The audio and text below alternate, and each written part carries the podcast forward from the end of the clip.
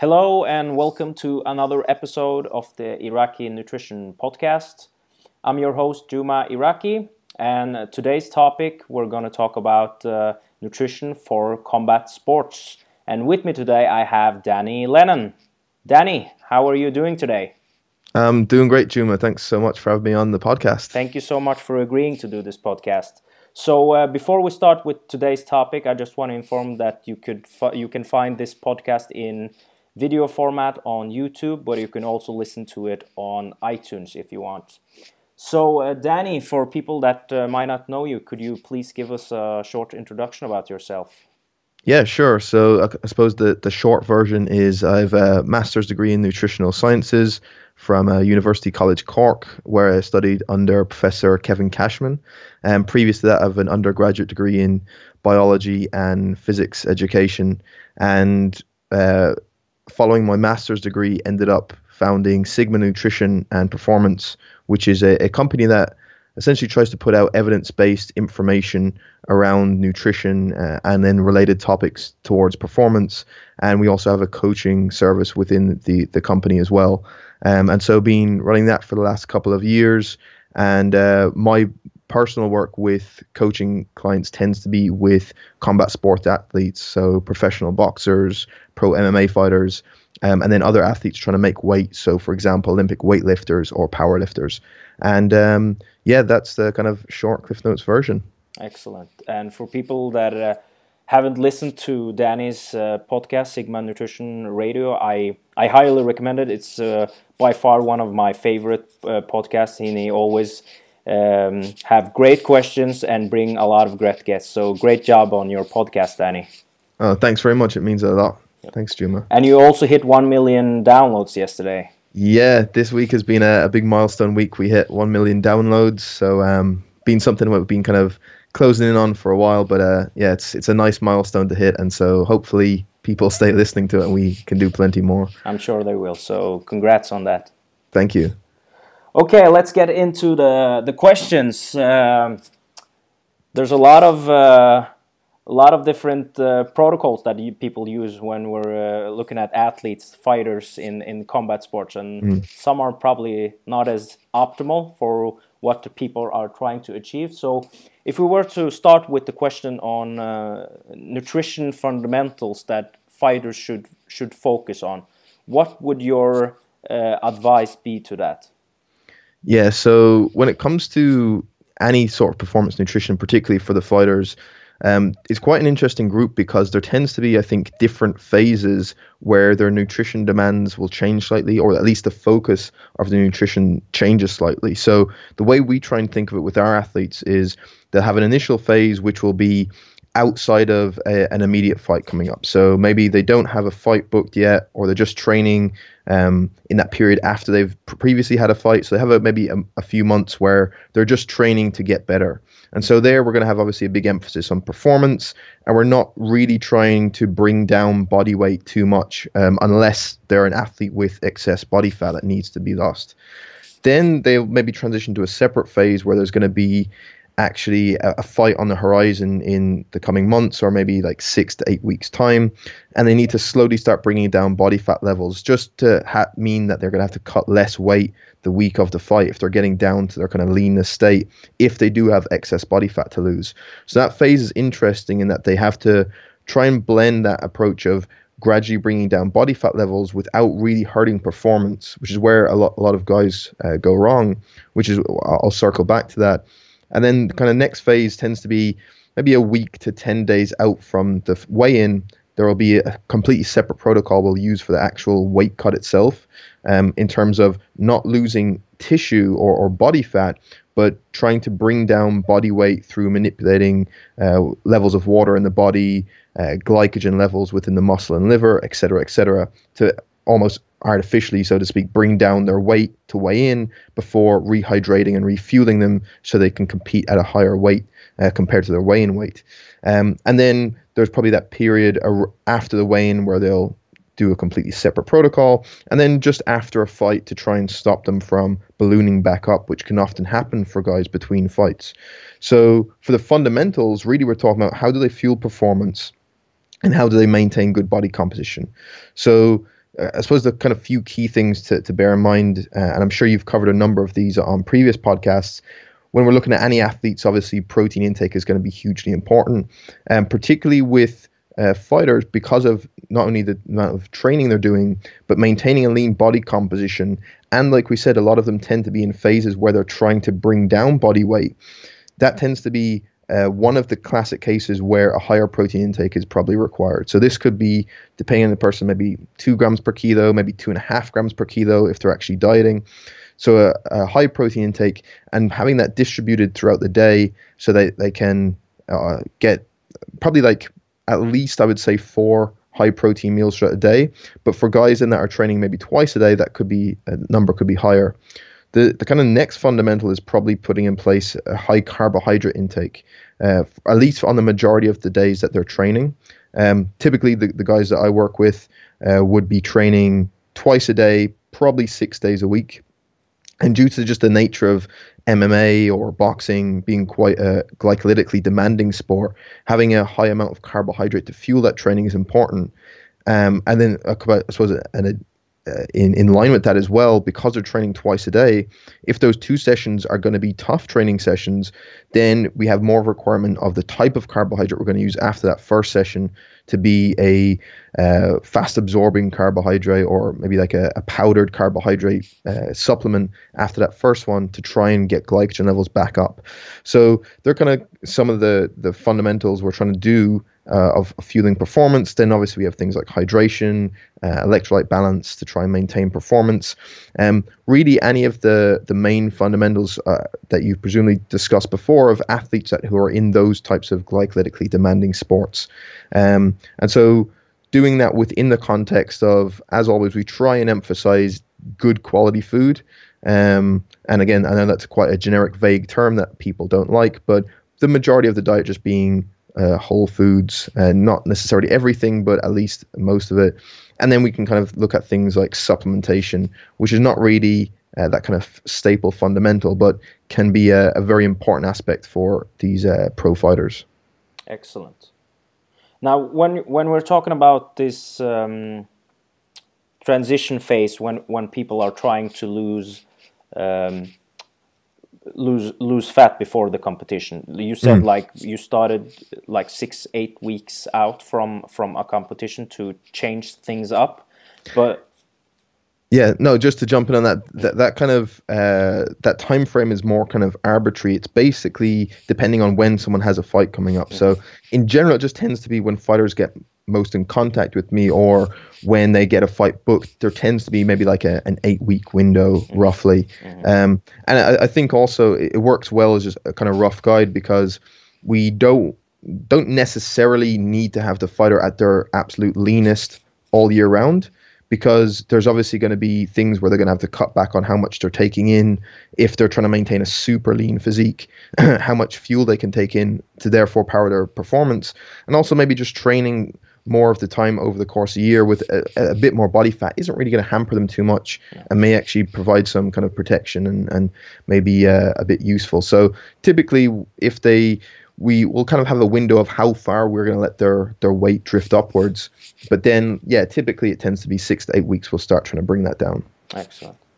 Now, I I personally work with uh, judo judo athletes, and one thing that's a bit tricky about judo is that they frequently have competitions. So you usually yes. you have like every every six seven weeks you have a competition. So you're really not getting a phase outside mm. of uh, the dieting sometimes, and it's not really that optimal to just let the body fat get get too high because it just right. gets uh, difficult compared to, for example, a a boxer, uh, mm. a championship boxer who, who would maybe fight some of them just fight once a year, maybe it would be mm. easier. But uh, obviously, when you're working with a lot of these uh, combat sport athletes, you uh, encounter a lot of different uh, strategies that they use for bringing their uh, body weight and fat down. But what are more optimal ways to use it without it uh, affecting performance? Yeah, yeah, that's that's a really good point, and I'm, I'm sure as you've seen with, with guys that came to you, previous methods they may have used is they end up dropping calories really, really low, mm-hmm. um, at least to a point where it's too much and that hampers performance recovery too much, and the calories end up being a lot lower than they, they need to be. Usually, this isn't even by consciously trying to hit a certain level of calories, it's more about the type of rules or uh, guidelines they put in their own head of, okay, I need to start making weight. So I'm going to take out all these types of foods from my diet, and my diet is basically going to be this. So it typically tends to be them taking out quite a lot of carbohydrates from the diet. They'll say that okay, I'm not going to have any more bread or potatoes or rice, and um, because I know people who have done that and have found that they, their body weight starts dropping immediately. Uh, and we obviously know a lot of that tends to be from water and glycogen losses initially. And then they end up focusing on things like maybe some chicken and turkey or some white fish with some maybe some green vegetables as a lot of their main meals. So yes, that will help to get body weight down because they're consuming very little calories. Uh, they're very consuming quite low amounts of carbohydrates relative to what their actual demands of their training is. And so it's a really, like you said, a suboptimal strategy, right? The two main things that are going to power their performance during that training camp is going to be calories and carbohydrates. And so the way we have to try start doing it as a more strategic manner is how do we get them to be in a very slight deficit that gradually body weight is going to be coming down or, or body fat levels are going to be coming down, but there's still enough there to allow them to train hard and to recover from those sessions. And then on top of getting the amounts of calories and carbohydrates right and making sure that deficit isn't too large, we can then start looking at things like, say, nutrient timing and supplementation, which, uh, as we've discussed kind of off air, maybe for the general population isn't so much a big deal, but for competitive athletes can be a huge factor, right? Of what, when exactly do we partition these carbohydrates over the course of the day? Could having a meal at this many hours before a priority training session with a large percentage of their daily carbohydrates in it actually impact and, and help that performance despite them being in a deficit over the course of the 24 hour period. Um, and similarly, we, can we use um, whether that's um, a small amount of carbohydrate powder or some caffeine. Can we use these small bits of supplementation to actually improve performance or at least decrease the RPE during that training session uh, for these athletes? So those things start to become more important. And so to get a more optimal strategy, we're going to try and diet very gradually and get body fat down level uh, at, a, at, a, very slower rate so that we're just keeping more carb- uh, calories in the diet to empower performance. Uh, now, obviously, we should mention the caveat here is that presumably this is if we have an ideal timeline. Uh, generally, when we're working with a, a, an athlete in the longer term and we can periodize what their nutrition is going to look like over many months, this is easier to do. If you get an athlete come to you, which is often the case, and they've like three weeks before a fight and they've let themselves get out of shape, then of course you need to take more dramatic steps and you're going to have to accept that trade-off that for that athlete there is going to be a decrease in their training performance but at that time point, you just have to diet them harder because otherwise they're going to miss weight. So that's the kind of caveat there. But in an ideal world, that's where we do it very gradually, bring down body fat levels whilst looking at things like the overall amount of calories and carbohydrates we put in the diet. Uh, protein obviously as well as important and then the timing and then say supplementation around that as well can help mitigate a lot of the issues that tends to crop up with hypocaloric dieting excellent uh, a great point on the thing that you mentioned on the uh, nutrient uh, nutrient timing as well. That when when carbohydrate uh, amounts are are limited, it's it might be uh, th that's where nutrient timing might play a big role, where you start to center a lot of the carbohydrates around around the workout uh, sessions. Yeah for sure. Um, and, and this is when we try and tie it in with the the training schedule that the athlete has. So this is where it's important to communicate with their coaches that they're working with and the athlete themselves. And if we have an idea over the week when the different training sessions are going on what is the actual nature of that session? What is the which ones are the priority ones? Which is say a hard sparring session versus a light recovery session? Now we can even get more detailed with where we partition those limited amounts of calories and carbohydrates. Um, so, for example, like we have X amount of carbs on a given day. If we know after that second training session, the athlete's next section the following morning is just a real easy recovery session, then we don't need to slam loads of carbs after that workout to try and get glycogen levels back up. So we can keep more of those daily carbohydrates for before that earlier in the day, which may actually help those more priority training sessions. So I think uh, that's a really good point you bring up because it's actually one thing that often people forget is how you really have to work within a, a, a group and tie into what the other coaches are doing because these athletes have a number of different coaches in different areas, and really it needs to be a kind of approach that's centered around the athlete that everyone's involved with, uh, which I'm, I'm, sure you've seen with with the the judo guys as well, of having that communication with their coaches and being able to basically set things up of to suit them as opposed to them having to work around their nutrition. Yeah, one thing that we've actually been working a lot with is periodizing the carbohydrates during the week. So on days where there's low intensity, we don't shuffle as much carbohydrates into our systems, mm.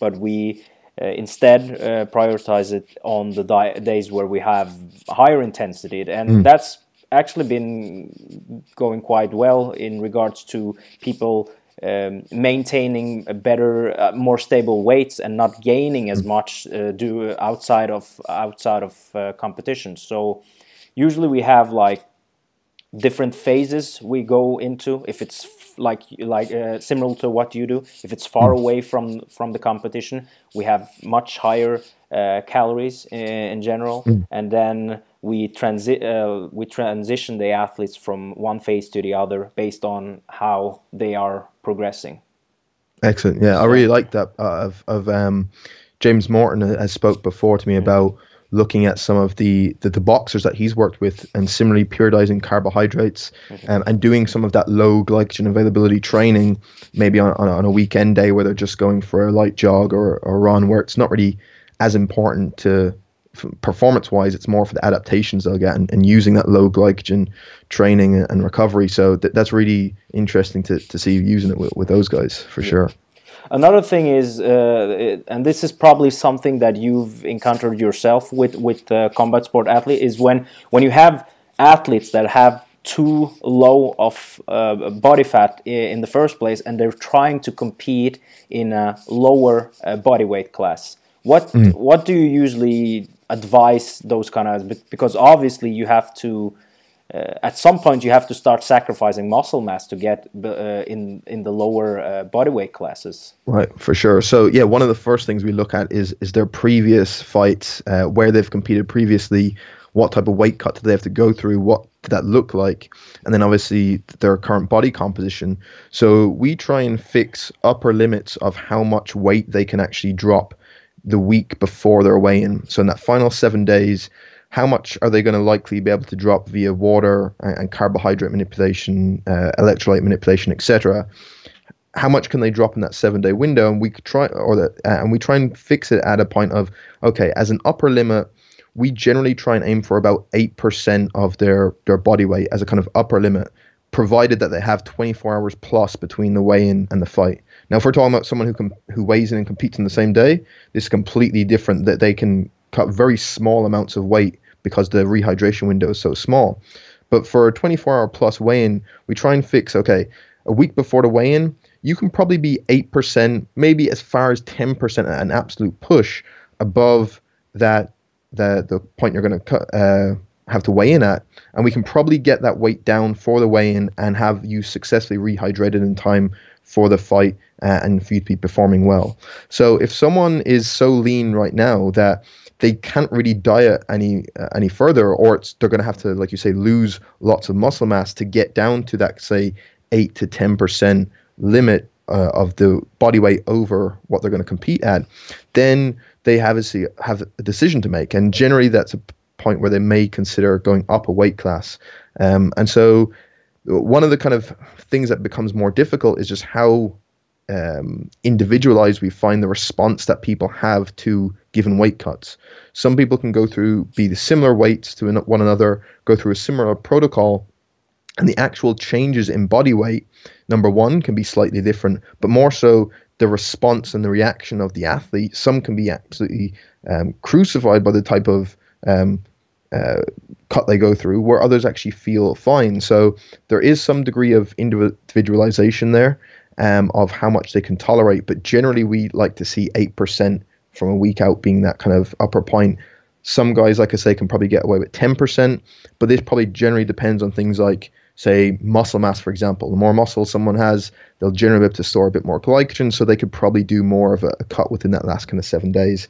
Um, but yeah, to your point, generally, if we think someone's going to have to isn't doesn't really have much body fat to lose and is still well above that limit, then they're going to be a candidate where we're going to probably say you may uh, think about going up a weight class, which I think is uh, oftentimes you never really see um, athletes think about, or combat sport athletes at least think about uh, going up a weight class to become more competitive. They always think of going down. Oh, if I just go down, I'll be more competitive. Yeah. Uh, and and it's really a strange one because there's been some really good examples of people who've gone up weight classes and just been so much better at that, and they can perform so much better. But yet there's still this kind of mindset within the the culture of combat sports of the way to get more competitive is to get down to a lower weight class if you can. And sometimes guys just do stuff that's just hampers their performance too much and it's just not worth it. Yeah, uh, exactly. And we're going to get to that uh, point as a final question in this podcast today. But before that, uh, moving on, uh, is there um, is there any supplements in particular that can be beneficial to uh, to fighters to use?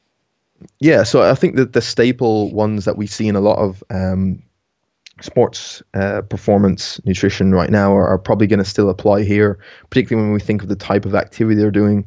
So we'll have guys, generally, most of them will be taking a, a creatine monohydrate supplement. Um, we'll generally have then before morning sessions, guys will typically have some sort of caffeine, um, whether that's actually from a supplement form or whether from a coffee or, or uh, an energy drink is, is kind of based on their own preference but caffeine could be useful. We'll then obviously use supplemental carbohydrate powders just purely for the reasons we've outlined before of, of restoring glycogen and, and feeling training performance. And then we've also done some stuff with uh, sodium bicarbonate, which I've found to be really, really useful. Um, so uh, you've probably discussed this before as well, but it's going to act as a uh, essentially a, as a, as a buffer um, and can work up as as far as maybe 25 to 30 grams we have some people take probably 30 to 60 minutes before a session. Um, and we found some really good results with, with guys using sodium bicarbonate. Um, for people who are listening who are maybe thinking about trialing that i would suggest doing that uh, working up from a small dose and testing out gradually on your own before going and doing it because um, if you take a large dose just before you go training um, and it's your first time you can have some kind of um, bad gastrointestinal distress that will be quite embarrassing. So start with a small dose, build it up, test how you feel. But we found some good effect from that. Um, a, a, couple of things that the the fighters we're using at the moment are currently kind of experimenting with. Some of them have looked at some of like um, beet juice shots that are obviously big in, in endurance sports right now. Um, I haven't collected enough kind of um, stuff from from the guys to see what exact performance benefits they're getting, and it's not something that we've done a ton of in the past. But I can definitely see maybe some of them are going to feel some benefit, but. Um, they'd be the principal ones. I think once they have a lot of that stuff checked off, we're probably in a good space. Um, beta alanine is one that uh, a lot of them will be using as well. That is obviously we've got a decent amount of um, research behind. Um, but outside of that main handful, there isn't too much else that would be a staple across the board. Uh, the rest of it is kind of some individuals will be having some, some others will be have have different types of supplements, but they're from a performance perspective, they're the the main ones that tend to be used. Excellent. And the last one you mentioned, beta alanine, it seems to actually benefit fighters uh, the most when you're when you're looking at the research. There's a lot of data specifically looking at uh, combat sports uh, athletes mm. that seem to get a benefit. Even I think the first studies that came out when beta alanine started to get popular a couple of years ago were on boxers, where mm. they saw um, like you uh, much much better force in their punches and the frequency of how many punches they had during a simulated match was increased. Yeah. But dosage was pretty high. I think it was six point four grams of beta alanine. Yeah. Mm. So that that that becomes a challenge, especially when, uh, as I'm sure you find, that trying to get people to take stuff on board. Hmm. Um, if it's relatively easy and uh, okay to do and they, f- they feel good from it, it's fine. But when you have something like beta alanine, if they're not really bought into the whole process around it, and then they start feeling like this tingling sensation and the side effects you typically get from such a high dose, mm. then a lot of them will just end up saying, "Oh, I'm not going to bother with this," and they'll stop taking it. But yeah.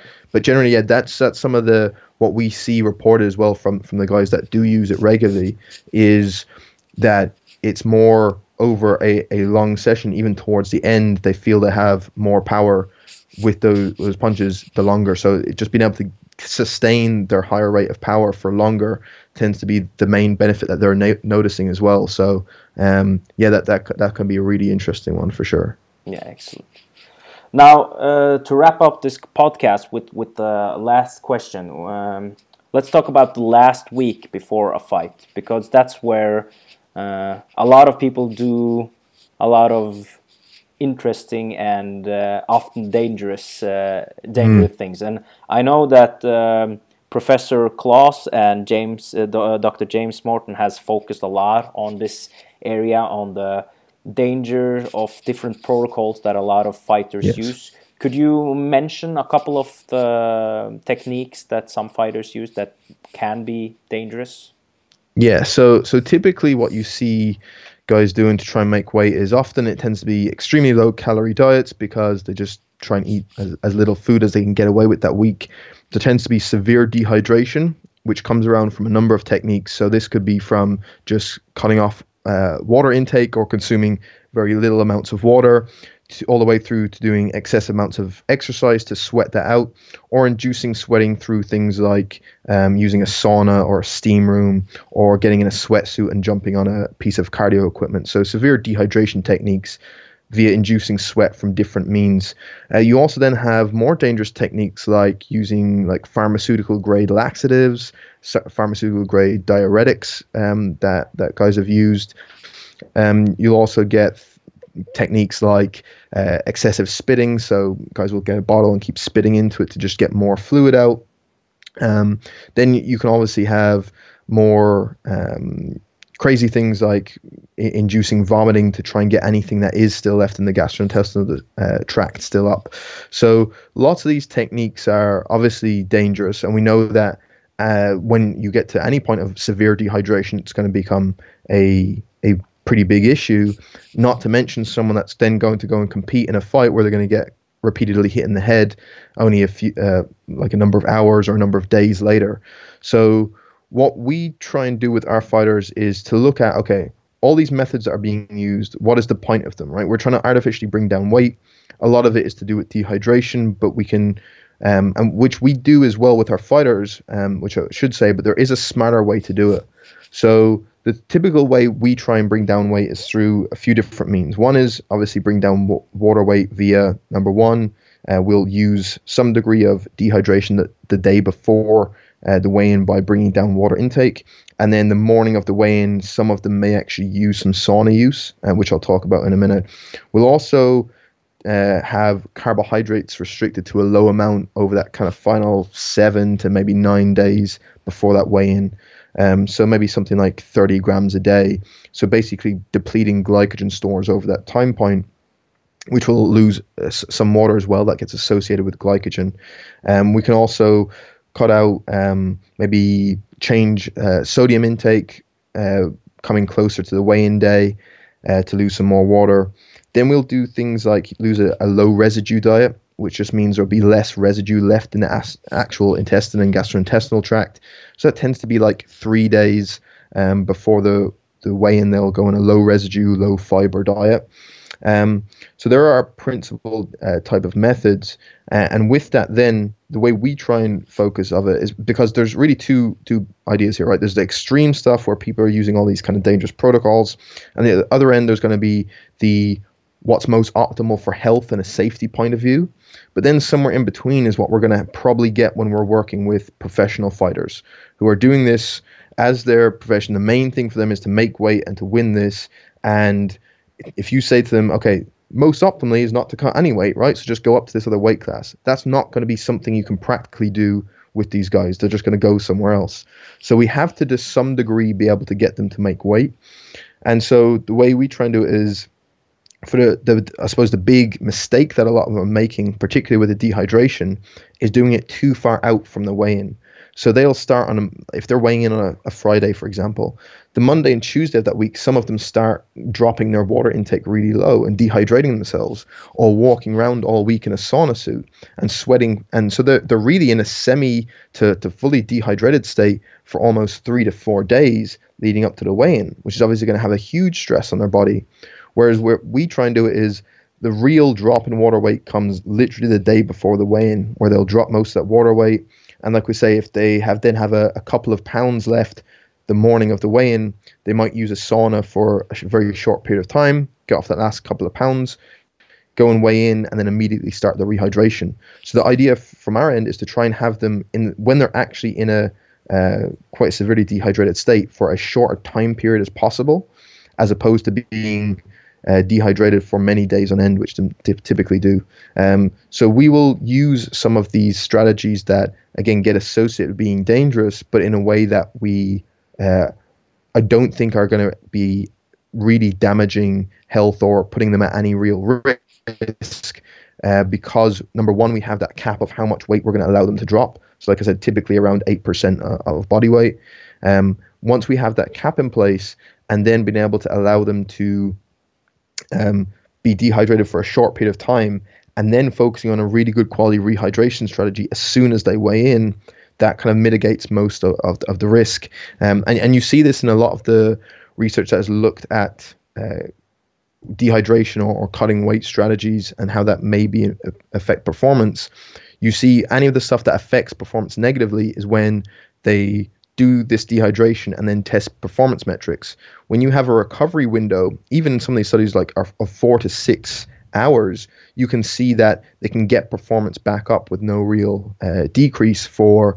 Uh, and I mean that four to six win- hour window is based on like a, a cut of maybe three or four or five percent of body weight. So if we have a longer period of time and we have a bigger um, amount of, of, or we have a bigger weight cut, we should be able to to take care of that and not really hamper performance. Um, and plus, with these guys, what ties into performance goes into so much more than just um, needing to be, I suppose, uh, in in in the perfect state of, of health right at that time point. Um, but yeah, I think so. That that's the way we generally do it. And I mean, we can get into any specifics around it of what we do. Um, but I think we're we're kind of trying to use a blend of how do we get them to drop the amount of weight that they need to or that they essentially are going to demand as a pro athlete, but do it in a way that's actually safe and is not going to put them at any risk. And by the time they step in the ring or the cage for the actual fight, that at that time point they should be fully rehydrated uh, or as best as they can possibly be uh, and feeling good. Excellent. Yeah, because like you said, eight percent should probably be the the limit of how much you drop. Because there's mm. been some cases of people dropping 20% body weight in mm. a couple of days and yes and dying from it we had yeah, the, so, the, mma fighter i think it was last year yeah in uh, one fc i think it was uh, one of their fighters. Um, yeah so i think i mean that highlights to people just the dangers around it. Mm-hmm. um, and that, even beyond that we see like if you're dropping that much weight it's just going to be impossible to rehydrate and refuel in the time window you have. Mm-hmm. and so you're going to be underperforming anyway. So um, and, and, people can only look at some good examples. Uh, i think if people follow the ufc seeing anthony johnson who used to cut the most insane amount of weight to try and make welterweight so he was fighting at 170 pounds and he would look dead as he comes out for the weigh-in um, and then eventually he jumped two weight classes, starts competing at 205 pounds, and now he's one of the best fighters in the world. So I think um, people just need to realize that there is a point of where getting down to lower weight class isn't always better.